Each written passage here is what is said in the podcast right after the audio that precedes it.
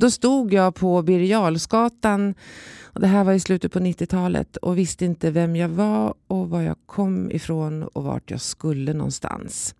Och då hade som man då säger, liksom, då hade det brunnit i huvudet. Och jag var väl en av de första, tror jag, som gick in i den här, som man sa då, väggen. Eh, och det var helt nytt. Min läkare sa att Åh, det är första gången jag får skriva utmattningsdepression i ett läkarintyg. Vad spännande, sa han. Kära gäster, varmt välkomna till Life at Sign. Podden som tar dig med bakom kulisserna på Stockholms största hotell. Där vi träffar intressanta och inspirerande människor som berättar om sin relation till att bo på hotell, att resa, dela sina hotellhack, spännande möten i långa korridorer och mellan kokande grytor och lite allmänna tips på, ja, hur mår man egentligen när man jobbar på hotell? Jag heter Henrik Berghult och arbetar som hotelldirektör här på hotellet och idag ska vi träffa en av Sveriges främsta föreläsare inom ämnet medarbetarskap. Hur får man ihop timmarna? Hur stressar man mindre? Och hur får man det egentligen trevligt på jobbet? Direkt från Sveriges framsida möter vi idag en mycket spännande kvinna. Två år i rad har Kristina Stielli blivit utsedd till Årets kvinnliga talare. På rekordtid har hon lyckats bli en av Sveriges mest uppskattade talare som har hjälpt tusentals medarbetare och chefer att hitta till mer givande arbetsmiljöer. Med en bred utbildning inom bland annat ekonomi, marknadsföring, projektledning och beteendevetenskap kan hon ta sig an arbetsplatsens utmaningar och möjligheter ur många olika spännande perspektiv. Idag kommer vi få reda på att alla espressomaskiner, afterworker och bowlinghallar i världen kan inte skapa en bra arbetsmiljö. Där det bildas grupperingar och pratas bakom ryggen, ja, där frodas stressen och effektiviteten är långt borta. Varmt välkommen Kristina Stieli. Tack så mycket, vilket intro! Fantastiskt CV. Ja, jag får nästan hyra in dig här sen så att du kan följa med mig runt i landet när jag föreläser sen om jag får komma ut. Jag hoppas det snart. Spännande. Ja, Hur mår du?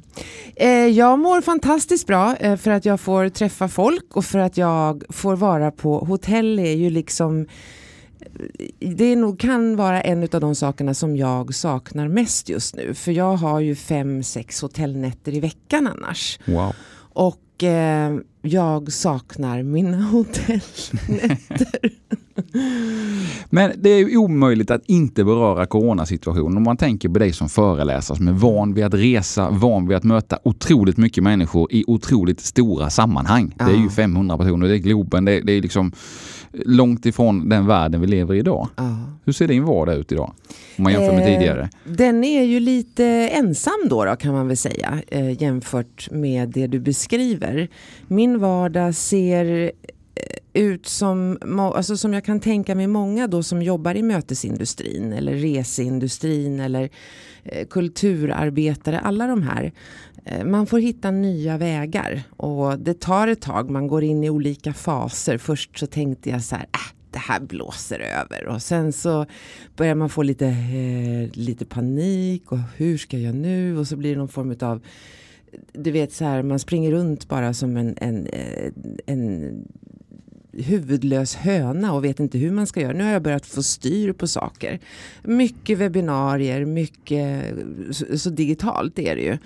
Eh, men jag har en del föreläsningar också och utbildningar framför allt som jag håller live när vi sitter med långa avstånd mellan varandra. Men har du föreläst digitalt mycket tidigare eller är det en helt ny värld? För... Nej, det har jag faktiskt gjort tidigare. Och, ja. ja. jag har gjort det tidigare väldigt mycket tack vare och genom TRR. Och eh, de jobbar ju nu väldigt intensivt med omställning för de människorna som, som söker liksom hjälp där. Så de har ju, jag hade här för ett par veckor sedan hade jag 700 personer på Lina. Eh, wow. Och det var en föreläsning som bokades redan för ett år sedan och då visste vi ju ingenting om det här. Och TRR mm. har en, de har liksom byggt upp det för de har ju eh, människor som, som söker nya arbeten på alla ställen i hela Sverige. Och de har en snygg studio, de har proffsig teknik. Så det blir liksom inte det här man ställer upp sig, får ljuset fel och så tittar man in i, i eh, en dator så att alla ser näshåren. Det är liksom de sakerna. Det är så här elementära fel man gör. För det är en intressant digital tid vi går in i och vi kan ju, jag kan bara referera till oss i Nordic Choice-koncernen. Vi reste ju väldigt mycket tanke att vi opererar och jobbar nordiskt. Och det är klart att vår, vårt resemönster är ju helt utraderat. Vi reser ju i stort sett ingenting nu givet situationen. Men det roliga är att vi har ju utvecklats enormt digitalt. Ja. Vi har inte haft något val. Nej. I början så när man, vi har Hangout då, det är en Google-lösning, en del av Skype och en del av Teams. Men det var ju en salig eh, röra första mötena, alla polskrikta och alla hatade i mun och ingen var där och det är liksom tekniken och allt det där. Men ju mer veckorna har gått på ganska kort tid så har ju alla blivit eh, digitala proffs på att mötas. Det är ju häftigt för att vi pratar ju om beteendeförändring och man brukar ju prata om att ett beteende kan vi ändra om vi eh, håller i ungefär 20 till 30 dagar. Okej. Och det är ju där vi är nu. Vi håller Ja. ju på och ändrar beteenden. Jag tycker det, det räcker med att gå ut på gatan så har jag jag upplever att det är en helt annan liksom, respekt mellan människor. Man tittar på varandra, nickar lite och så går man åt sidan. Mm. Det är ju beteendeförändring helt klart. Och det där kommer ju, alltså det som, som eh, Twitter har ju gått ut nu, vdn där och sagt att eh, vi kommer inte att eh, jobba på något annat sätt än alla får jobba hemifrån. Ja. Det här är det nya. Eh, vi Mm. stänger kontoret och så ses vi ibland men nu jobbar, det, du har ditt kontor hemma. Det är vi, klart att vi ser det. Mm. Eh, IBM gjorde en studie här för ett par veckor sedan där man sa att folk var i allra högsta grad tveksamma till att gå tillbaka till sitt kontor. Mm. Eh, såg inte liksom vitsen av att ha de här 9 till 5 jobben utan vi kan ses en gång i kvartalet eller en gång i månaden eller en gång i veckan. Och sen sitter folk hemma. Så det är klart att vi kommer att se beteendeförändringar men inte på hotellen.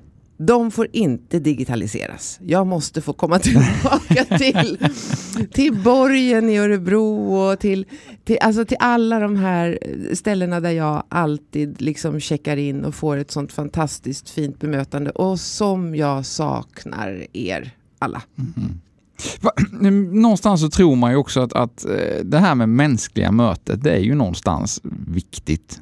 Med liksom det här småsnacket vid kaffeautomaten eller att man möter någon som inspirerar och berör på djupet och att man gör det live. Mm. Hur tror du det kommer att förändras? Kommer det tillbaka precis som det var tidigare eller kommer det vara i någon annan form tror du? För det är ju många som jobbar med det du, du gör. Det finns ju, Talarforum har ett helt gäng med liksom proffs på att just Ja. beröra människor live. Ja, eh, det är väl, jag tror så här att eh, det här kommer nog, jag tror att det kommer att bli en, en, eh, ett ökat fokus på det. Mm. Eh, för att när vi ska prata lite grann här i podden idag, som du sa med stress och må bra och sådär, så är det ju bevisat eh, att det finns liksom resultat som visar på att när vi är med andra människor så sänker vi stresspåslaget och vi sänker blodtrycket för att vi är i en gemenskap. Vi mår inte bra av att sitta isolerade själva, inte i en förlängning. Eh, och det tror jag kommer att visa sig sen. Att det kommer att finnas en ännu större längtan och behov av att mötas. Sen kan det säkert bli beteendeförändringar så tillvida att du kanske säger att nej men alltså jag tror inte jag, jag tror inte jag tar bilen ner till eh, Oskarshamn eh, för att ha möte med er där utan vi kan väl ta det på Skype istället. Där kanske man ser, kommer att se en, en, en det tror jag. Men eh, jag tror att de här mötena där vi behöver ses för att ta på varandra, alltså för att, att möta, se varandra, prata. Det här som du nämner, det här småpratet vid fikamaskinen. Det är ju också bevisat en del som vi behöver för att må bra i de jobben som vi ska uträtta. Mm. Så nu mår vi dåligt, jag tror vi mår sämre och jag har en, en dotter i Paris som har då suttit inlåst i rätt många dagar och då är det inlåst inlåst. Det är alltså du får gå Ja. ut en eller två timmar per dag. Och hon mår inte bra nu när de har fått släppas ut. Eh, Det gör någonting med oss den här isoleringen och det måste vi ta hand om sen. Mm. Så jag tror att det kommer att bli en sån här bumerang. Liksom. Att, att vi kommer att träffas när vi behöver inspiration och motivation. Mm. Jag tror att det kommer bli ännu viktigare att samla för medarbetardagar eller för kickoffer eller för uppstart eller för, för eh, att, att liksom lyfta en, en, en händelse eller, eller förtydliga mål och affärsplaner. Det tror jag kommer att vara. Mm, det, det, kommer, det tror jag kommer verkligen att vara ännu viktigare i framtiden. Men tror du man kommer samlas i så här stora grupper igen som man har gjort? Ja, det tror jag. Tror du det? Ja, absolut. För många hävdar ju att den här pandemin, att det här är det här är en pandemi men det kommer förmodligen komma fler med tanke på hur världen ser ut och hur mycket vi reser och i andra former. Och... Absolut, det tror jag också. Jag tror att precis som jag lyssnade på en av de här fantastiska, eh, vad ska vi säga då, läkare, professorer, Johan von Schreib eh, på eh, nyheterna i morse och han sa det att det är klart att det här kommer att blåsa över. Absolut, sen tror man ju att det kommer efter det här så kommer en, en recession och sen kommer klimathotet. Så det är klart att vi har en massa utmaningar framför oss. Men då mer än någonsin så tror jag att vi behöver samlas. För att verksamheter måste ju ändå fortgå. Ja. Och verksamheter består av människor. Och vad behöver människorna för att må bra? Eh, det är, eh, det är klart att det kommer att, att, att, bli en, en förändring på många sätt men jag tror absolut att vi kommer att samlas. Kanske att det kommer att ta ett tag men eh, det som jag har nu har jag ju faktiskt eh, uppdrag där vi har nu hade vi en, en grupp på 140 personer och då delar vi upp dem på tre eller fyra gånger och då kör jag samma föreläsning ja. för dem tre eller fyra gånger. Det är klart att vi kommer att hitta modeller mm. men vi kommer inte att sluta mötas. Det, det kommer vi inte att göra. Vi har en spännande lösning vi gör här faktiskt på hotellet. Det är att vi kopplar ihop Clarion Sign med Clarion Post Göteborg och Clarion Malmö Live nere i Malmö. Eh, så att nationella företag har möjlighet att nej, men då samlar vi 50 personer i Göteborg och 50 i Malmö och 50 i Stockholm och sen kopplar vi ihop det digitalt vilket gör att då kanske man föreläser på förmiddagen från Stockholm, på eftermiddagen från Malmö och sen från Göteborg. Då kan egentligen 150 personer eller fler eh, uppleva samma saker i realtid men man slipper de här långa resorna och man slipper att samla så många personer på ett och samma ställe ju fantastiskt bra. Ja. Det är ju superbra. Ja, det är spännande Överhuvudtaget mm. så har ju ni gjort eh, väldigt mycket. Precis som när du frågar mig hur min vardag är så har ju ni gjort, det är väldigt roligt att se. Som roligt. gammal hotellmänniska då som jag ändå är. Eh, så är det roligt att se hur ni inte ställer in utan ni ställer om. Har du jobbat på hotell? Jajamän. När och var? Ja, det, När och var? Du, jag eh, öppnade nu får ni eh, alla på Clarion Post får ni verkligen be, jag verkligen be om ursäkt. Då ska vi säga så här att alla ni på Clarion Post, jag var först i de lokalerna. Det var långt innan ni byggde ett hotell där, för där var jag postkassörska. Jaha. Och eh, jag gick, i, var när jag var där sist nu, nu, alltså för ett tag sedan, eh, så gick jag ner i restaurangen som jag gör varje dag, eller varje gång jag är där och tittar på den luckan där jag satt, för de luckorna finns ju kvar. Ja, de är ju komärkta, ja, man får inte ta bort nej. dem. Och där satt jag bakom en sån lucka eh, och var postkassörska. Men därmed sagt så jag var med och öppnade Sheraton i Göteborg. Eh, tvärs över Drottningtorget där. Ja, ja, ja. Eh, och det var alltså väldigt länge sedan. Uh, alltså, vad var det? det måste ha varit uh, slutet på 80-talet. Spännande. Uh, ja, så där öppnade jag tillsammans med en vd som heter Peter Gryner, um, en food and beverage manager som heter Horst Bauch. ja, men det var de här gamla hoteljerna. En receptionschef som heter Lars Idmark. De, de, alla, alla som har jobbat länge inom hotellbranschen ja. vet vilka de här är. Och eh, där jobbade jag som eh, Key Account Manager faktiskt. Eh, och eh, jobbade med sälj. Jag hade ansvar för alla eh, stora konton. Då, okay. då. Eh, och fick, nej men det var, oh, det var alltså Nej, det var det roligaste jobbet jag har haft. Alltså jag, jag, jag, det, jag tror att det är därför när jag kommer in på hotell så här så Nej, det var det roligaste jobbet. Det var en arbetsplats som aldrig sov. Eh, det var alltid någonting där och det var en sån otrolig familjär stämning bland personalen. Och när jag började så fick jag av min eh, närmaste chef Susan Adler fick jag ett introduktionsprogram som jag aldrig kommer att glömma och som jag alltid pratar om när jag pratar om hur man ska inkludera. För Ja. att ett hotell då till exempel har ju rätt många eh, jag skulle säga, skikt för att det ska fungera Ja. eh, för gästen som sen kommer. Och då fick jag två veckors introduktionsprogram. Eh, hon sa att vi, du behöver inte lära dig någonting, du ska bara gå två veckor och här är ditt program. Och jag minns ju hur det ser ut. Det var ju liksom eh, dag ett receptionen, dag två housekeeping. Du ska bädda, du, det är 12 rum per, det var så här, Ja. det, det ska du leverera. Eh, dag tre nattportier, dag fyra eh, ska du vara i bageriet för då hade vi ett bageri. Eh, dag fem ska du stå i disken, dag sex ska du och så vidare. Så 14 dagar och så var det allt ifrån bellboy till eh, Wow. housekeeping till, eh, och så fick jag gå med vd-assistenten också, ekonomi. Eh, Torsten, det var, det var den bästa, det var absolut den bästa inskolningen som jag tycker man kan göra när man kommer, man ska prata om medarbetarskap och hur man ska Mm. må bra så måste vi förstå, inte bara på hotell, att alla jobbar för samma mål. Ja. Eh, Det spelar ingen roll om, om säljaren säljer ett abonnemang om jag inte får en, en bra service i kundtjänst. Och för att säljaren ska få ett en förståelse för det så måste säljaren jobba på kundtjänst och kundtjänst måste få vara ute och sälja och så Ja. vidare.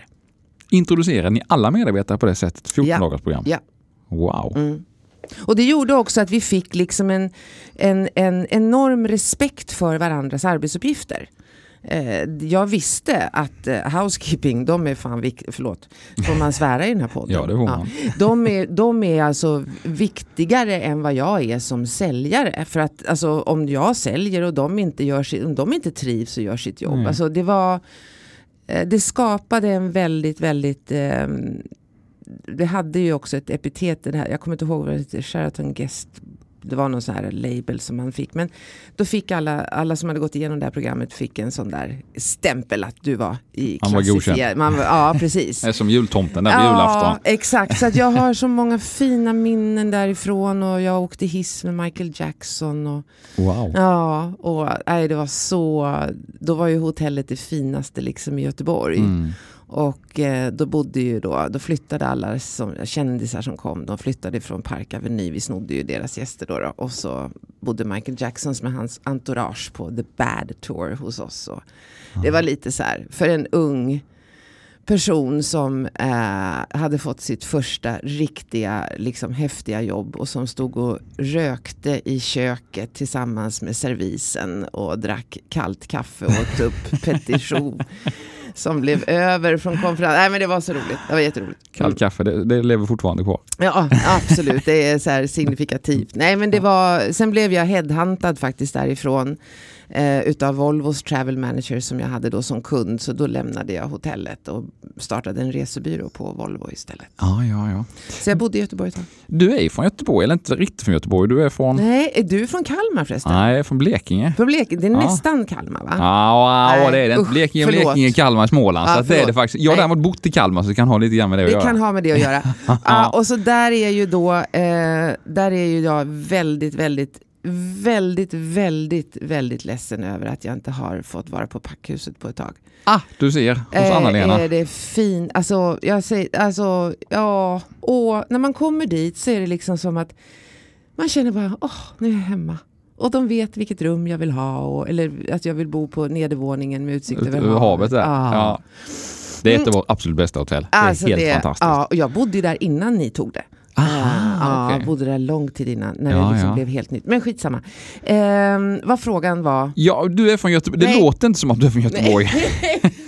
jag är född i Eskilstuna. Du är från Eskilstuna. Ja, men den, den dialekten har jag enligt eh, min omgivning arbetat bort. Och eh, det kan man tycka vad man vill om, men jag tycker inte att jag, jag är nöjd med den jag har. Sen när jag var 16 så flyttade jag till Göteborg. Så bodde jag där tills jag blev eh, äldre. Jag bodde väl där i 10-12 år och bodde bland annat då ute på eh, öarna. Ja. Där jag också, och det gjorde jag av den anledningen att jag träffade en kille som jag blev kär i och det gjorde jag under dem, för vi bodde alltid ute på öarna när vi var små på sommarlovet, då var vi så Ah. badgäster. ja, ja, ja. Ehm, så då bodde vi alltid i någon eh, liksom, källare så där, över, över sommarlovet. Så jag vet, pappa stod alltid med bilen utanför skolan när vi slutade och då hade mamma och pappa eh, packat släp öppet då med cyklar och Ja. allting. Och då flyttade vi ner till Öckerö för sommaren. Då. Wow. Mm. Jag, för Öckerö, jag vet ju om att du känner Christer Olsson som är ganska knuten till oss på Choice. Han Ja. coachar ledningsgruppen på Sign och lite andra människor här Ja. i, i koncernen. Ja. Och ni växte upp där en tid tillsammans. Eh, det gjorde vi ja. Eh, han är ju då eh, lite äldre än mig och han var ju en sån där, jag är ju uppvuxen i en, en väldigt stark religiös miljö. Måste klia mig lite, det får man göra med en penna. eh, jag är uppvuxen i en, i en väldigt liksom kristen och religiös miljö och eh, eh, då var vi, rörde oss liksom i kyrko, alltså kyrkan hade, vet inte hur det är nu, en väldigt, väldigt tung roll på öarna. Alltså det, Okej. det, det, det räcker om man om man eh, pratar lite sådär så är det, ja ah, det är där alla liksom är pingstvän. Det är väldigt, väldigt mycket kyrkligt, Ja. i alla fall var det så. Och eh, Christer var inte med. Han var inte med i kyrkan. Nej, eh, Nej. han har berättat det för mig senare att han hängde däremot runt kyrkan för han tyckte att det fanns så mycket snygga tjejer i kyrkan så att det var därför han var lite så här. Men, Ja. någon, nå- så att, eh, men, men eh, jo, han var äldre än mig och alla tyckte han var lite så här, ja ah, det kommer Christer på en moppe. Jag kommer inte ihåg vad han, han har sagt det till mig om det var en en Dakota eller om det var en, oh, gud nu kommer han skrika om han hör det här. Men, men i alla fall. ehm, så att eh, ja, vi, eh, vi kände och kände, vi umgicks liksom i parallella kretsar. Han är, nu ska vi se här, han är alltså gift med hon som är syster till han som är gift med min före detta mans kusin. Så ni är släkt indirekt? Nej det är vi inte. Det, låter, det här är så typiskt öarna. Alltså det här är så typiskt öarna också för att alla hänger ihop på något sätt liksom där nere. Eh, så att eh, jag, jag, jag tyckte om att bo där till en viss gräns för att menar, hade man köpt eh, broccoli på ICA på förmiddagen så visste ju liksom min pojkväns mormor det på eftermiddagen. Det var liksom, det, det är inte, man kan inte vara anonym där och det, det så, nej men så, för att svara väldigt långt på din fråga. Vi har, vi, nu har vi lärt känna varandra igen Ja. om man säger på ett bättre sätt. Spännande. Mm. Gillar du att vara anonym? Jag gillar att umgås med mig själv. jag tycker väldigt mycket om att... ehm, ja men alltså jag tror så här att... att ehm, Du är ganska offentlig tänker jag. ja, jo men det, alltså jag, jag känner att... eh, ja, jag vill gärna liksom... Jag vill inte att alla ska veta allt. Jag vill eh, kunna gå under radarn. Ja. Jag geotaggar aldrig till exempel. Jag kommer ihåg alla de här äh, tjänsterna som har kommit. Du vet Foursquare och Govalla och alla vad de heter. När man ska checka in, aldrig gjort. Ehm, har inte så mycket aktivitet på min privata Facebook heller. Så att jag är, Mm. nej men jag är nog eh, jag lägger inte ut på Instagram var jag är någonstans heller eh, direkt sådär. Så att ja, jag tycker om att kunna eh, Jag tycker om att kunna göra saker utan att liksom Det måste vara svårt att vara så här kändis liksom som går ut och så nu såg jag Pernilla Wahlgren köpa en Dime. Det är som på Öckerö. Ja, det, ja men precis så, exakt så var det. Nu gick, nu gick Christers flickvän där och, och tittade på flingorna i, på Samuelssons. Ehm, nej, men det, nej men det blir lite, men jag tror att det har liksom, jag tror att det också har blivit lite urvattnat. Men då var det verkligen så, gud ja. Det, var, det är också en trygghet. Ja. Det är också en enorm trygghet. eh, Men eh, för mig så blev det lite för mycket. Så att jag, är ingen, jag tror inte jag är en sån här små... Jag tror... Säg så här. Jag vill vara en småstadsmänniska. Men jag inser att jag är inte det. Så Det är jag lite besviken på. Jag vill bo så här i Mariefred eller i... Eller eh, jag skulle vilja bo i Oskarshamn eller Västervik eller... Alltså, eller Karlshamn eller... Det är Blekinge. Ja, det är Blekinge. Ja. Ja, där har jag varit flera gånger. Just det. Eh, men jag skulle vilja, men jag är inte det. Jag är inte det. Så är det.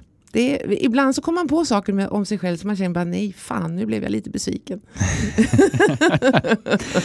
Du, du nämnde också att du är uppväxt i en väldigt kristen miljö. Ja, Eh, på öarna då om jag förstår det rätt. Eller det var eh, redan på Nej, Eskilstuna-tiden? Ja, jag skulle Ja. säga att jag hade nog inte så mycket val utan det var Okej. liksom in i den eh, follan redan ifrån det att jag lämnade BB. Där var jag liksom typ Ja, okej. rökt. Hur har det påverkat dig, tänker du, att du kommer från en sån väldigt kristen situation? påverkat mig så tillvida att jag har, eh, det tog väldigt lång tid i mitt vuxna liv innan jag förstod att jag dög. Ja. Att jag eh, kunde vara stolt över mig själv, att jag kunde att jag inte behövde skämmas för saker som jag gjorde eller tänkte eller sa. Varför skulle du göra det? Därför att Gud var, alltså, den guden som jag växte upp med, han var inte att leka med. Okay. Utan eh, om du gjorde fel då blev du straffad på något sätt. Så att eh, om jag hade, om jag hade till exempel eh, tänkt elakt om någon eller om jag hade tänkt att vad spännande det skulle vara att gå på den där festen. Det var lite gränsfallsynd. Och då man då dagen efter misslyckades på ett prov, då förstod man att jaha, där fick jag för att jag... Tänkte på det ja, igår. precis. Om jag Mm. däremot lyckades på ett prov så var det för att Gud var god, inte för att jag hade varit duktig. Mm. Eh, så det var en, en väldigt eh, eh, destruktiv liksom, gud och, och, och jag vet att det är många som har ett annat förhållningssätt till, till sin gud. Men för min del så blev det bara eh, sargande. Och eh, det tog ett tag för mig innan jag kunde stå på mina ben och tycka att eh, att vet du Kristina, du gör ett rätt bra jobb och du kan det här. Och det var inte för något annat än för att du har jobbat för det och inte för att Gud tyckte att det var liksom att det låg i hans händer liksom. Men det du beskriver nu, det måste ju föranleda och skapa en hel del stress. Och just stress är ju ett av dina huvudämnen. Mm. Och att må bra. Du är ju, eh, följer dig på TV4 på Nyhetsmorgon och du pratar om stress och må bra. Eh, så det är ju någonting du verkligen har anammat och, och Mm. eh, åker runt och föreläser och berättar om. Kommer det någonstans från din uppväxt tror du? Det tror jag absolut. Ja. Och, och när det kommer till stress så finns det ju olika eh, saker som, som leder till att, för stress är ju inte farligt, det måste vi göra klart. Det är inte Mm. farligt. Däremot är det farligt om vi inte har någon återhämtning. Eh, och om vi har ambitioner som överstiger våra resurser. Det är den enkla ekvationen. Eh, och eh, där är det många som har ambitioner som överstiger resurserna. Sen är det också en annan parameter och det var väl den jag då eh, ramlade dit på. När jag stod på jag pekar ut här genom fönstret ner emot vackra Norra Bantorget. Vinkar till Olle som är tekniker här också, icke att förglömma. Men då stod jag på Birger Jarlsgatan och det här var i slutet på 90-talet och visste inte vem jag var och var jag kom ifrån och vart jag skulle någonstans. Och då hade, som man då säger, liksom, då hade det brunnit i huvudet. Och jag var väl en av de första tror jag som gick in i den här, som man sa då, väggen. Eh, och det var helt nytt. Min läkare sa att Åh, det är första gången jag får skriva utmattningsdepression i ett läkarintyg. Vad spännande, sa han. Och Oj. det fanns inga program, inga rehabilitering, ingenting. Ingenting. Och eh, det, den stressen som jag kom att ramla omkull i, måste man säga. Måste välja mina ord rätt. Den låg enbart, orsaken låg enbart hos mig.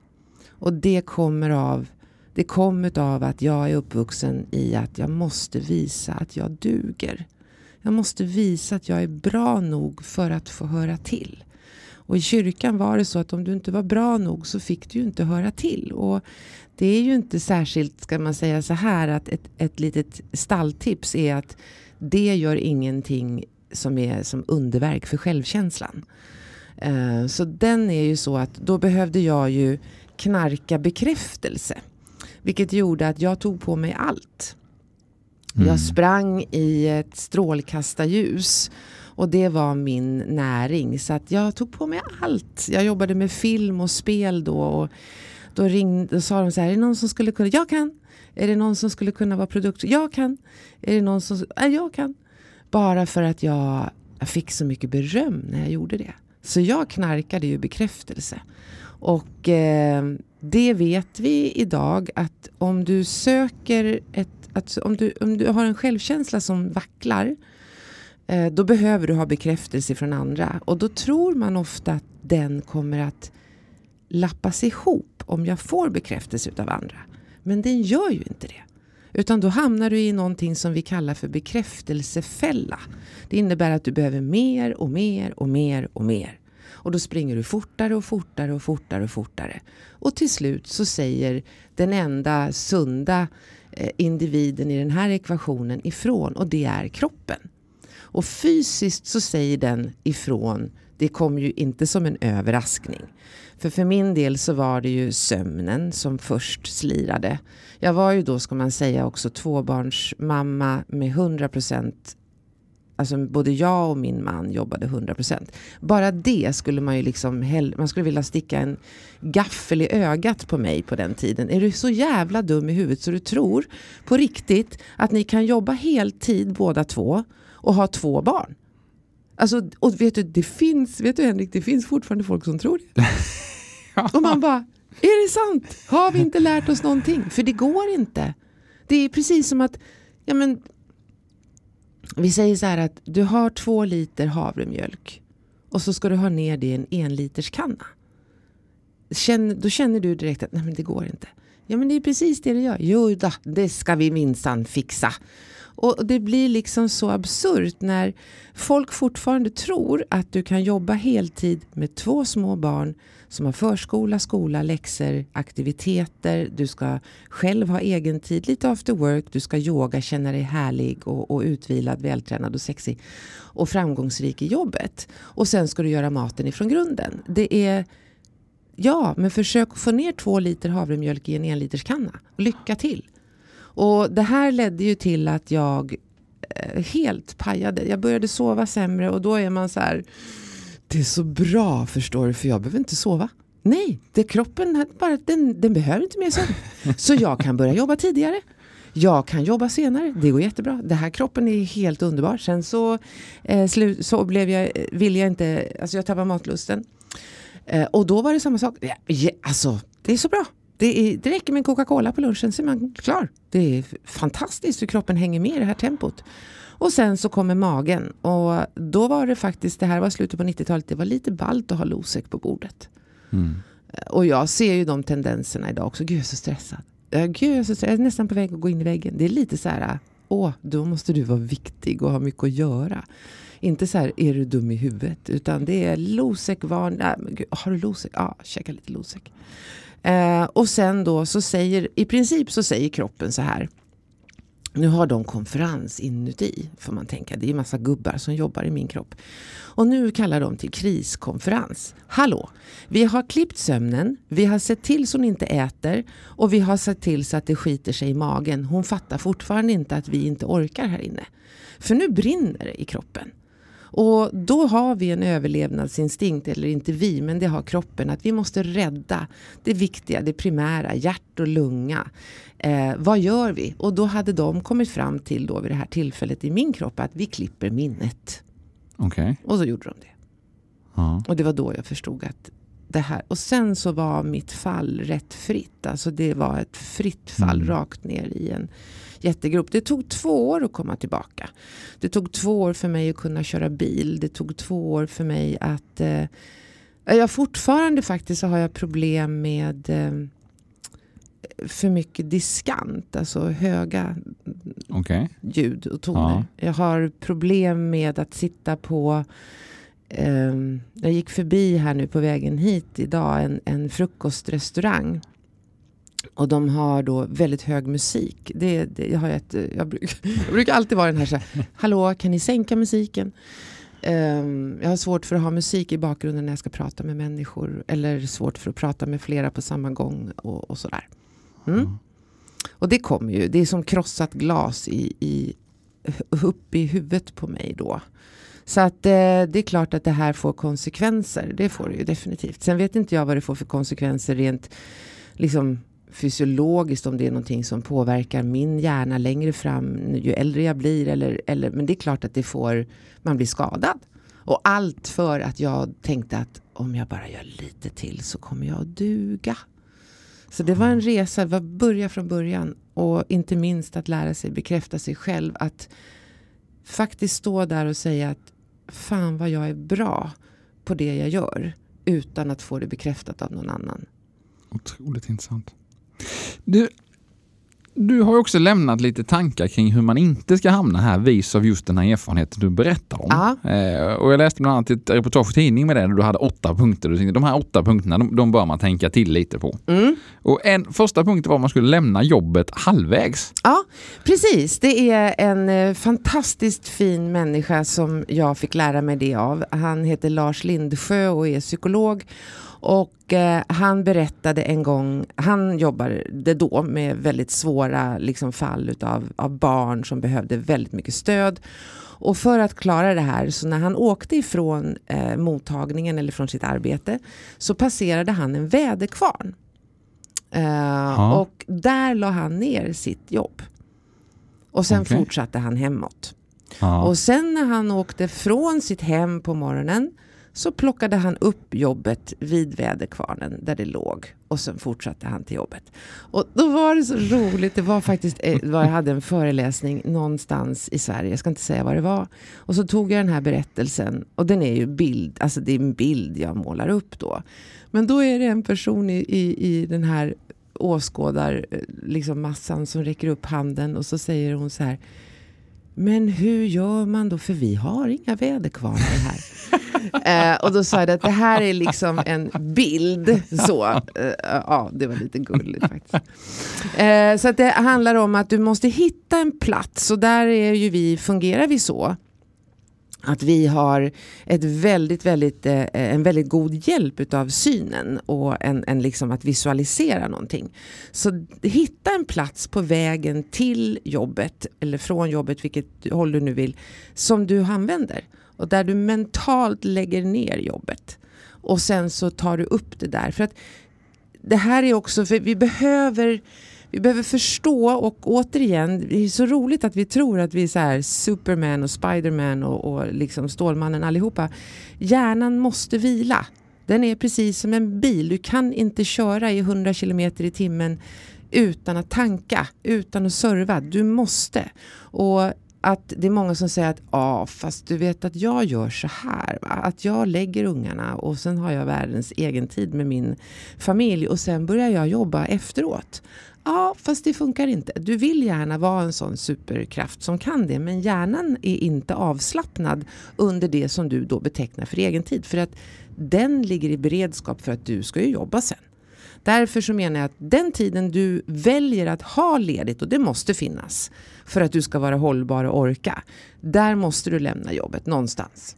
Och det ska inte vara någon som säger, då kan jag lämna jobbet när jag tar i handtaget hemma vid dörren. Nej, det är fusk. Det måste vara någonstans mitt emellan. Det måste vara en distans mellan lämnandet och dörren. Ja, precis. Spännande. Ja.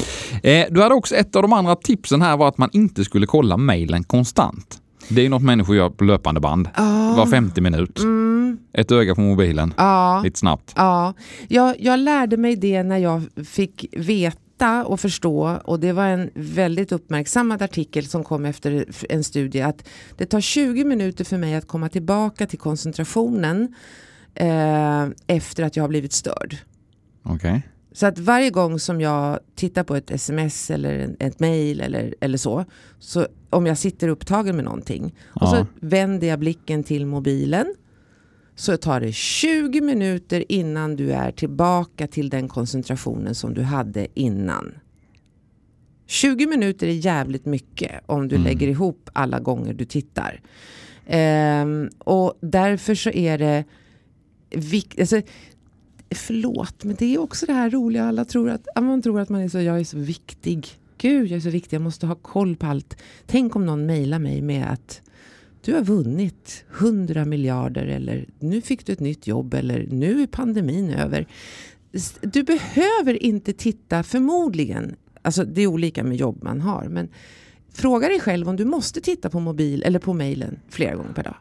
Jag tittar på mejlen en stund på morgonen och en stund på kvällen. Så, det räcker. Mm. När jag jobbar så är det min rutin. Det räcker. Eh, jag har inga pushnotiser på mobilen. Annat än WhatsApp, från, för där har jag mina barn.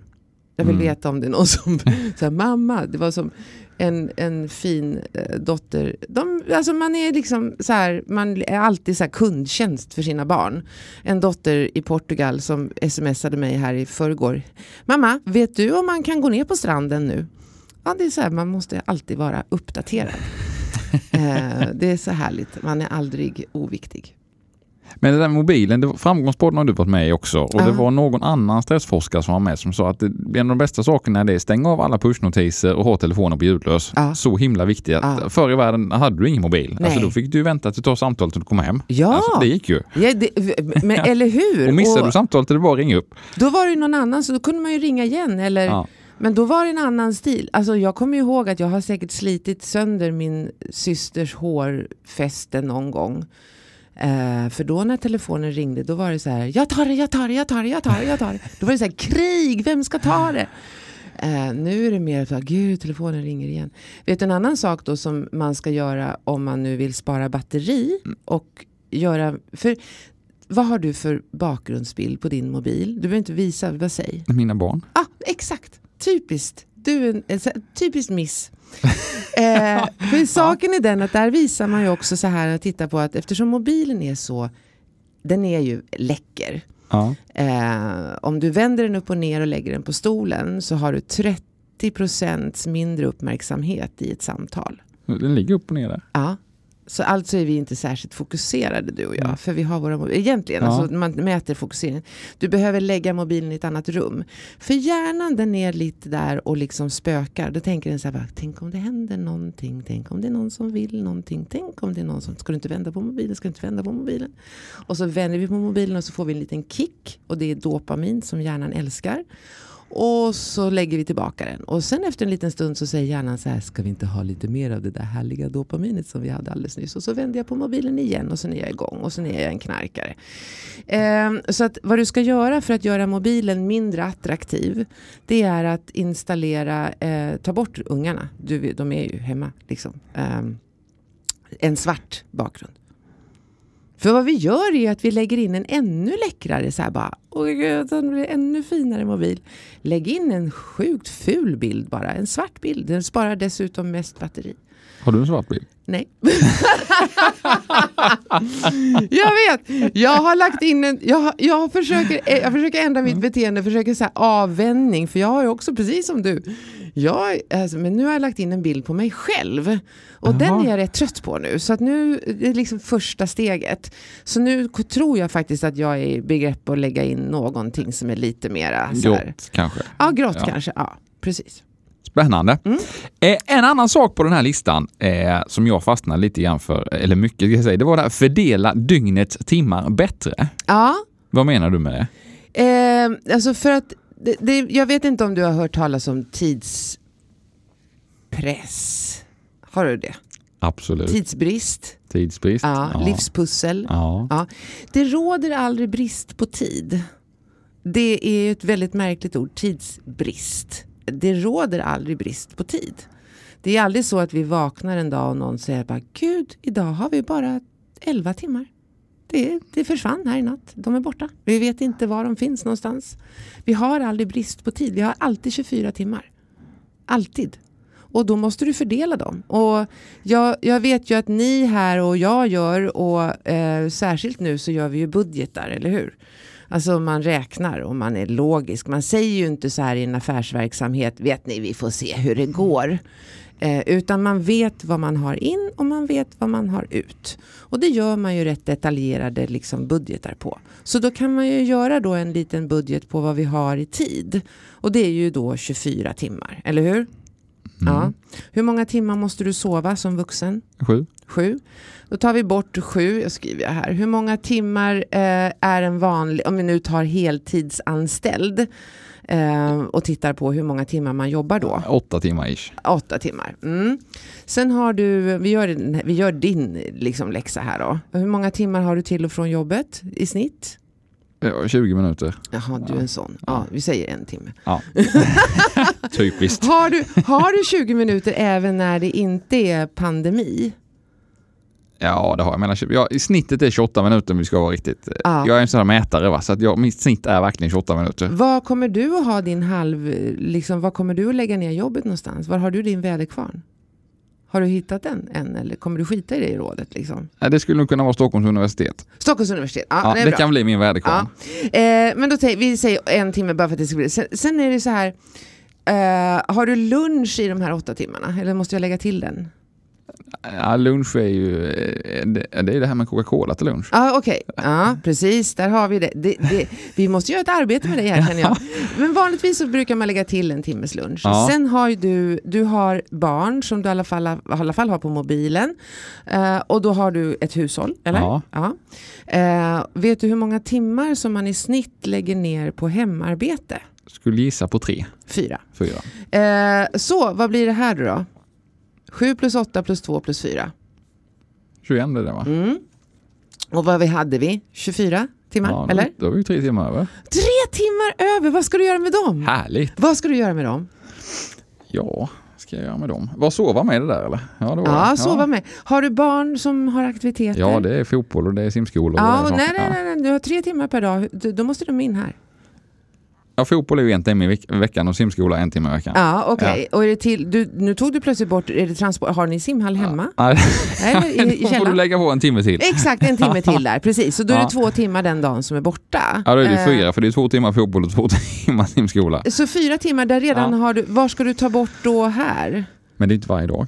Nej, men den dagen måste du ta bort någonting. Förstår Ja. du vad jag är ute efter? Ja. Att vi, vi, vi vill så gärna, där, där gick du lite i fällan, du säger att det, men det är bara en timme simning, men du måste ju ta dig dit och Ja. ungen ska väl klä om, eller har du bara kastat ner henne i poolen liksom, och så där, simma för helvete. Det är ju liksom, Ja. vad jag menar är att vi gör ofta den här missen, vi tror att tiden är elastisk och vi, Mm. Precis som jag, man sa så här att jag passar på att handla en present till svärmor när jag ändå är på väg till jobbet. Passa på blir inte passa på för att det finns ingen drive-through utan du måste hitta ett köpcentrum, parkera bilen, betala, gå in, leta. Alltså det tar. Mm. Så att jag menar vi måste göra den här läxan. På 24 timmar så måste du få in en fördelning och då är 21 timmar redan upptagna. Har du sen barn som behöver läsa läxor så måste du lägga in det där. Har du barn som behöver aktiviteter måste du lägga in det där. Har du egen tid som du vill ha, after work, jobba över, då måste du lägga in det på de här tre timmarna. Mm. Och där är det många som säger, men jäklars, det var ju lite snålt. Så att det, det är det, man behöver göra sin tidsbudget. Ja. Spännande. Jag hade en, en kille som heter Peter Streifert, han äger ett tvätteri på Öland. Ja, Jag jobbade på Öland för många, många över 20 år sedan. Och Peter var lite rolig för han, han anammade det här konceptet redan för 20 år sedan. För ofta när Peter kommer tvättbilen, känner Peter hur är läget? Ja, jag är så himla stressad, det är körigt här nu. Jaha, så ja, jag måste jobba fel. Nej, är det sant? Det var väldigt Det självinsiktsfullt i alla är fall. väldigt självinsikt. Han, har han kvar sitt tvätteri? Ja då, jajamensan. Nej men det är, ju, det är ju lite grann det att när det kommer till jobbet då, då tänker man ju så att som han då väldigt klokt, jag måste jobba fel. Det borde vi liksom se lite grann också i, i, i det stora hela i livet. Jag måste göra någonting fel. Ja. Och um, det behöver inte, det, det är så, fel gör vi alla och misslyckas måste vi göra. Men att göra den här läxan det betyder rätt mycket. Eh, du har ju också skrivit en del böcker. Mm. Hur kommer det sig att du hamnade i författarfällan höll jag på att I säga? författarfällan. Ja. Nej men jag har alltid eh, tyckt om att skriva och det gjorde jag redan när jag var alltså, i skolan och tyckte om att skriva berättelser och så vidare. Sen så ehm, kom livet emellan och ehm, när jag hamnade i en, en annan kris, det här är ju inte den första krisen man har varit med om, man är ju lite gammal och, och, och till åren. Men eh, då, då, då tänkte jag efter en, en, eh, en sån här livsavgörande liksom, händelse att nej men, jag ska ju bli författare. Och vet du, jag tror så här också nu under den här pandemin och allt det som pågår. Nu börjar folk komma på de här, men gud, det var det jag ville göra. Eller eh, kommer du ihåg, vi pratade om det där. Och, så det var lite sånt. Så jag eh, bestämde mig för att eh, då ska jag prova att bli författare och så ska jag ha ut en roman, min första roman ska komma inom fem år. Så jag gav mig själv fem år. Och sen började jag plugga. Plugga För att- författarskap. Ja, det är ett hantverk. Ja. Eh, så att eh, det, det, är många som tror att det, liksom, man, det kommer, nej det är väldigt, väldigt få. Och det är ett hantverk precis som det är att, eh, att laga skor. Hur pluggar man till författare? Eh, man går en eh, kurs i skrivande helt enkelt och där du lär dig att beskriva miljöer, du lär dig att beskriva individer, du lär dig hur en, en dialog ska fungera. Vet du förresten, Henrik, hur man har ihjäl någon på bästa sätt? Eh, nej. Nej, exakt. Skulle du kunna... Borde jag veta det? Ja, om du ska bli författare. ja. eh, för att skapa spänning, för att skapa stämning, eh, för att lära sig skriva om sånt som är fruktansvärt att skriva om, för att lära sig skriva en sexscen. Det är ju något av det svåraste man kan göra. Det finns ett hantverkskap eh, i det här och det vet alla som, som är framgångsrika författare eller inte behöver vara framgångsrik, men författare. Eh, men eh, så det, det, var, det var något av det roligaste liksom, jag har fått lära mig. Det är precis som, vad fan, du går väl inte till en skomakare som inte har lärt sig hur man lagar skor? Liksom. Nej, nej. Eh, och det, det, det, att det är ett hantverk. Du ska kunna beskriva den här miljön som vi sitter i utan att exakt säga att där står en sån och där står en sån. Du måste vara någonting som gör att du vill läsa vidare. Mm. Och det mm. finns det. Sen är det, vet du att det finns 34 berättelser i hela världen? 34? Ja. Nej, det visste jag inte. Det finns bara 34. Men det finns en väldigt många variationer. 34, det är nummer, jag kommer, jag kommer ihåg, är nummer ett.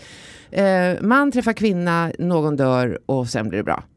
Okay. Eh, man träffar kvinna, någon är otrogen och sen, du vet, så här. Ja. Det är liksom Eh, det, är ett rätt, alltså det finns 34 så här, mallar. Det har, det, det, ja. man, man, kan googla på det, 34 ja. historier.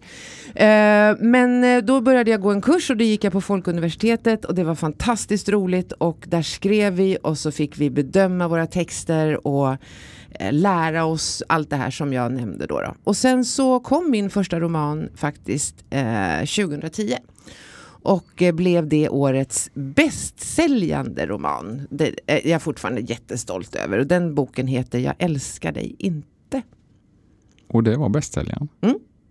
Wow. Där satt den. Och sen så kom eh, nästa roman eh, tre år senare. Det blev inte en bästsäljare. Och sen då blir man så här lite ointressant för förlaget. Eh, man blir så här ghostad.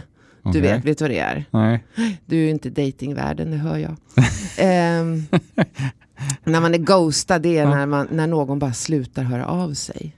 Okej, okay, då är man du ghostad. Vet, då är man ghostad. Du har lärt mig ett nytt uttryck. Ja, det kan du komma hem ja. och snacka om.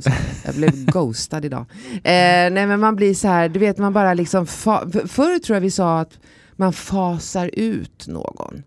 Ghosta i, i uh, datingvärlden om man är och dejtar, vilket jag ibland är på, på um, digitalt då. Uh, då liksom blir man matchad sådär och sen plötsligt nästa dag, nej, då var den borta. Då är man ghostad utan någon förklaring. Liksom. Och det blev man då av förlaget? Ja, man blev det av förlaget. Ja. Ja. Och sen så började jag skriva. Sen kom vi faktiskt då till den här tiden när en av mina döttrar hade en rätt jobbig period med självförtroende och självkänsla och så. Då skrev jag tre tonårsböcker och sen har jag skrivit tre fackböcker. Och de fackböckerna har ju handlat om glädje. Det handlade om vardagsglädje, jag vill vara glad och den sista hette Skapa arbetsglädje. Ja. Och arbetsglädje är ju det jag förknippar dig absolut, absolut starkast med. Och det är, eh, jag hade lyssnat en del på dina poddar och, och läst en del och också sett det på TV4 såklart. Men eh, första gången du berörde mig var egentligen på vår vinterkonferens i mm. Globen. Mm. Eh, var i år. Uh. Eh, där du berättade om arbetsglädje och, och eh, besserwissrar på kontoret och, och eh, ja, mm. hur, hur, man får det kul på jobbet. Mm. Varför pratar du om det? Och varför har det fångat ditt intresse så starkt? Därför att jag tycker att vi lägger den makten att må bra på jobbet i någon annans hand. Jag är, alltså det måste vara min så här flagga utanför dörren att du har faktiskt makt att påverka det livet du har. Det är ett enda liv. Och lägg inte den makten, är både makt och frihet. Och då om vi säger så här att, att när vi pratar om glädje på jobbet, alltså det är ju så här att det är väldigt många, inte så mycket tror jag eh, bland de som jag har mött på Choice, på riktigt så är det ju inte så, men det är många som räknar ner till helgen. Mm. Och som säger bara snart, och när, vet ibland när jag frågar på mina föreläsningar, hur många räknar ner till helgen? Så är det ja, rätt många. Och när börjar ni göra det? Och då är det inte alltid, det är inte så sällan som folk säger måndag klockan tio. och, och då tänker jag så här, vad synd att det då går tisdag, onsdag, torsdag, fredag bara som någon slags snabbspolning. Du Ja. måste ju kunna må bra då också för du är ju på jobbet mer än du är alltså, när det brukar vara som det var. Och det är ju många som har det så idag också som faktiskt har viktiga jobb kvar och som jobbar heltid. Eh, men då menar jag så här att när du kommer till jobbet så behöver du ta ansvar för hur du ska bete dig. Eh, och när du ska gå till jobbet så tänk på jobbet som, alltså, du vet när man ska ha helg Ja. då är det väldigt många så här, gud vad mysigt vi ska ha till helgen. Va? Vad roligt det ska bli. Och då kommer vi, då ska vi äta. Ska vi äta? Vad ska vi äta? Vad tycker du? Ska jag köpa något fint vin och sådär. Man liksom skapar förväntningar och man bygger upp någonting. Tänk om man kunde göra så med jobbet. Gud vad kul det ska bli på måndag. Vad ska vi äta? Alltså, det vore väl mysigt. Ska vi inte ta någon fin lunch där på måndag för att fira liksom att veckan har börjat? Vi har ju faktiskt det valet. Ja. Ja, och då menar jag så här att det är inte bara nattsvart utan du måste ju inte tänka positivt men du måste identifiera de sakerna som är bra. Och istället för att komma in på eh, i kafferummet som en del kanske gör ibland. Då kommer man in och så är det någon som frågar tja hur är läget? Och då är det som att öppna Pandoras ask. För det är så många som ägnar så mycket tid åt att träna på att gnälla. Och, och nu kan det vara väldigt viktigt att veta att alltså, det är som det är. Pandemin är här och det är många som har det tufft. Maj är skitkall, snart börjar det snöa. Eh, matpriserna ökar, alltså allt det här. Men fokusera inte på det. För då kommer du bara må sämre. Så att när jag kommer hit och träffar din kollega eh, så frågar hon mig, hej hur är det? Då behöver inte jag säga, nej gud det är jättejobbigt. Ah, jag är så trött på det här, fy fan vad jag hatar det här. Du vet att nu är det ingen, det kommer gå under allihopa. Det kommer inte finnas några kaféer kvar. Och jag kommer liksom, jag har ju inga pengar. Nej, jag kommer att behöva sitta på gatan, det blir ju så. Man får sova på en bänk här ute på Norra Bantorget. Det blir ju det. Och ungarna vill inte ha någon kontakt med mig. De vill inte prata. Så man är ju helt ensam. Så är det ju. Ingen som hälsar i trappan heller. Det är ingen. Alla går in bara i sina dörrar. Man kommer dö. Jag kommer dö där. Bland returpapper. Jag orkar inte gå ut och lämna returpapper längre. Det finns ju ingen. Man kan ju få corona överallt. Alltså, jag kan ju välja Ja. hur jag vill bemöta eh, en, en alltså, hur, vad, vad, så när Cecilia frågade mig hur det är så sa jag att och det kan ju ligga väldigt nära till hands att jag går igång så. Mm. Men då måste jag ju faktiskt bestämma vad jag ska vara, hur, vilken person jag ska vara. Och både jag och hon och du förhoppningsvis mår bättre om jag säger att nej men vet du, jag gick ju hit nu på, eh, alltså från där jag bor så gick jag hit. Och solen var ju som varm. Den var ju, och vet, så gick jag faktiskt, och det här är på riktigt, det sa jag till, eh, det sa inte jag till Cecilia. Jag gick ju förbi eh, tågen, eller spåren. För spåren går ut efter här, Clarion Sign. Och jag bara, men gud vad jag längtar efter att åka tåg. Så jag ställde mig och tog kort på spåren. Och du vet, det doftar något särskilt. Eller hur? Ja. Mm. Så jag stod där och, åh vad det luktar gott. Jag stod och luktade alltså på räls i morse. Eh, så jag får ju välja. Jag får ju faktiskt välja. Ja. Eh, och det är det jag menar, att jag får bestämma mig för om jag ska vara den som lyser upp rummet när jag kommer eller om jag ska lysa upp rummet när jag går. Det tycker jag fortfarande är viktigt. Men det finns ju alltid någon besserwisser som tycker och tänker och livet suger och det är liksom Ah. på alla Hur ska man hantera dem då? Eh, jag tycker ju att man jag tycker ju att man ska, det var ju så roligt efter, efter vinterkonferensen som jag hade förmånen, för det var faktiskt ett privilegium att få vara där. Det var en fantastisk upplevelse. Men så fick jag efter det fick jag väldigt många bilder ifrån dina kollegor i landet. Mm. Där de hade hängt upp gnällfritt i sina eh, fikarum. Ja. Det var vimplar och det var skyltar. Här gnäller vi inte. För man liksom fick också syn lite grann på sitt eget beteende. Och har man den policyn i ett kafferum, då är det väldigt lätt för någon att säga så här, vet du, hallå, stopp, nu gnällde vi lite här. Ehm, för att då liksom, för jag ska säga så här, helt igår så hade jag ett, ett rätt, eller hade ett väldigt bra samtal med en av mina döttrar. Okay. Um, hon bor i Paris och uh, jag hade blivit arg på henne här i förrgår. För när jag ringde henne så svarade hon i förrgår och då så sa hon Hej mamma, hur är det? Och då sa jag Det är så jävla kallt, sa jag. Och då så fick jag en avhyvling. Hon sa, vet du, jag orkar faktiskt inte prata med dig. Och så la hon på. Och då blev jag förbannad.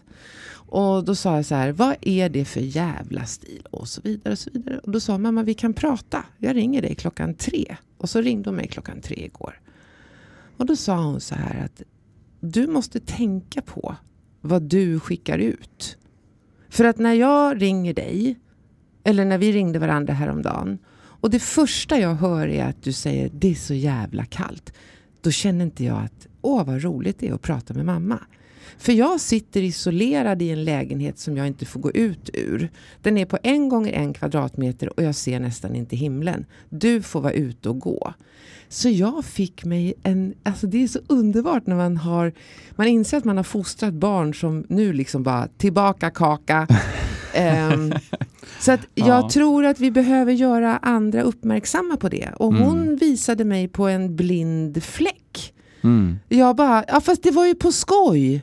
Alltså jag ville skämta för jag gick och frös, det är ju maj. Och då säger min dotter, ja fast det, den bilden har inte jag.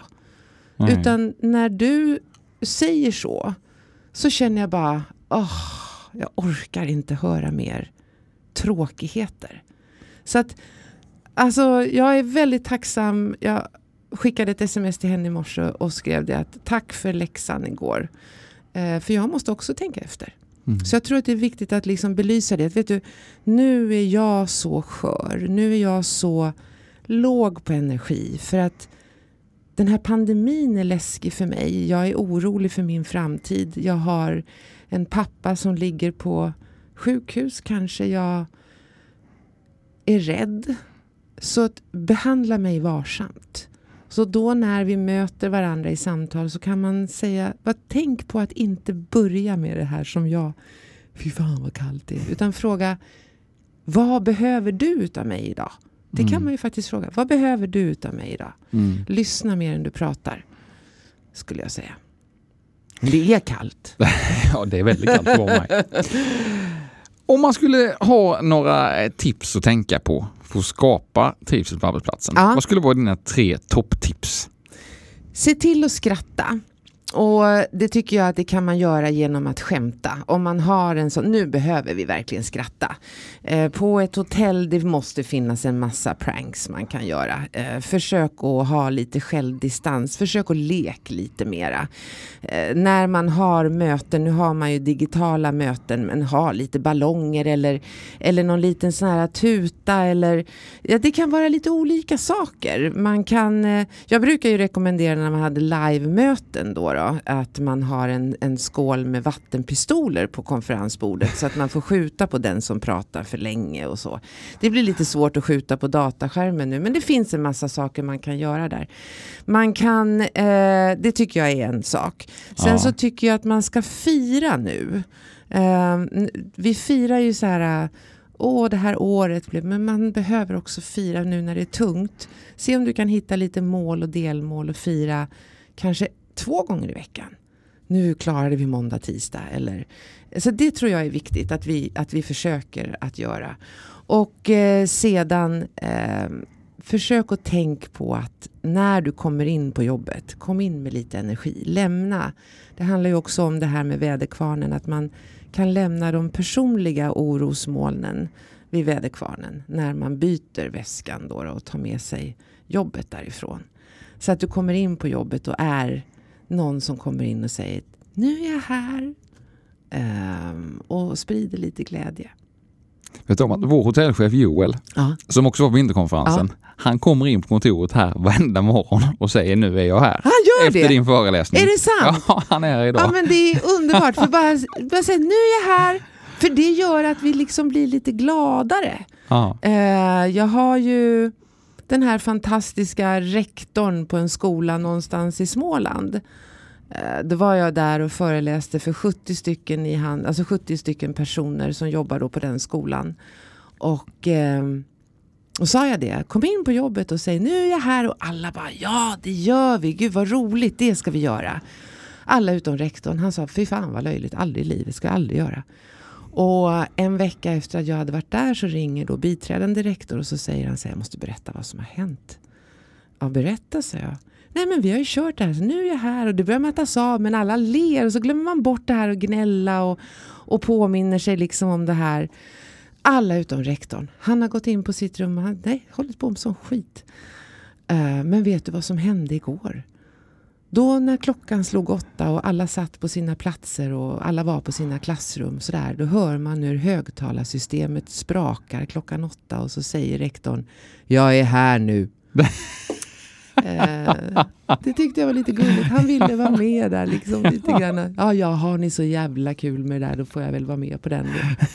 Så det behövs ja, inte så mycket. Och det är det här med, när man pratar om arbetsglädje så börjar det väldigt mycket hos mig själv. Det börjar inte med fruktkorgen. Mm. Så tipsen är alltså skratta mer, mm. fira mm. och kom in med energi. Ja, tycker jag. Tycker jag. Härligt.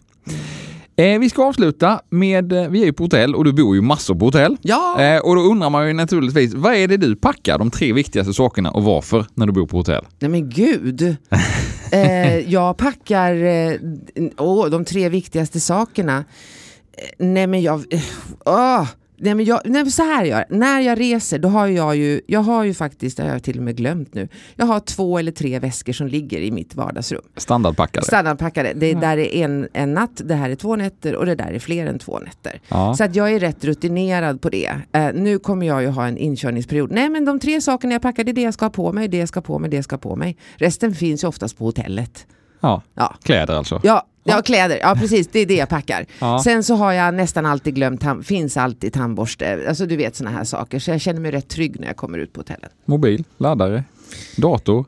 Nej, jag reser aldrig med dator. Du gör inte det? Nej, jag jobbar Nej. inte när jag reser. Aha. Nej, det är också Aha. tack vare att jag har fått lov att gå in i väggen en gång. Så att ja. eh, jag sitter och tittar på dem som eh, då flyger eller åker tåg när det var så eh, som stressat kastar upp sin laptop och så gör man några powerpoints och slides. Nej, då läser jag, tittar på film eller lyssnar på musik. Härligt. Så jag har aldrig dator med mig. Laddare finns oftast att köpa hur många sådana har du nu? För många. Kristina Steli, tusen tack för att du gästade oss på Life at Sign. Eh, du har ju i eftermiddag en inspelning, Steli ja. med vänner, ja. som ni sänder härifrån live från Clarion-hotellet. Yes. Vad handlar den om? I, oh, idag ska jag prata med Hasse Brontén och Marika Karlsson om eh, hur den här pandemin, vad den gör med våra relationer. Jag kommer att fråga så här vad de tror.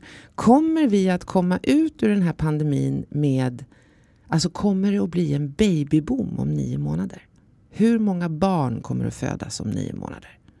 Eller hur många kommer att separera? Alltså är det en ökat antal skilsmässor eller ökat antal barn? Och hur många hundar kommer vara till salu på Blocket i höst? Spännande. Det, det ser vi fram emot. Det är olidligt spännande. Tusen tack. Tack själv.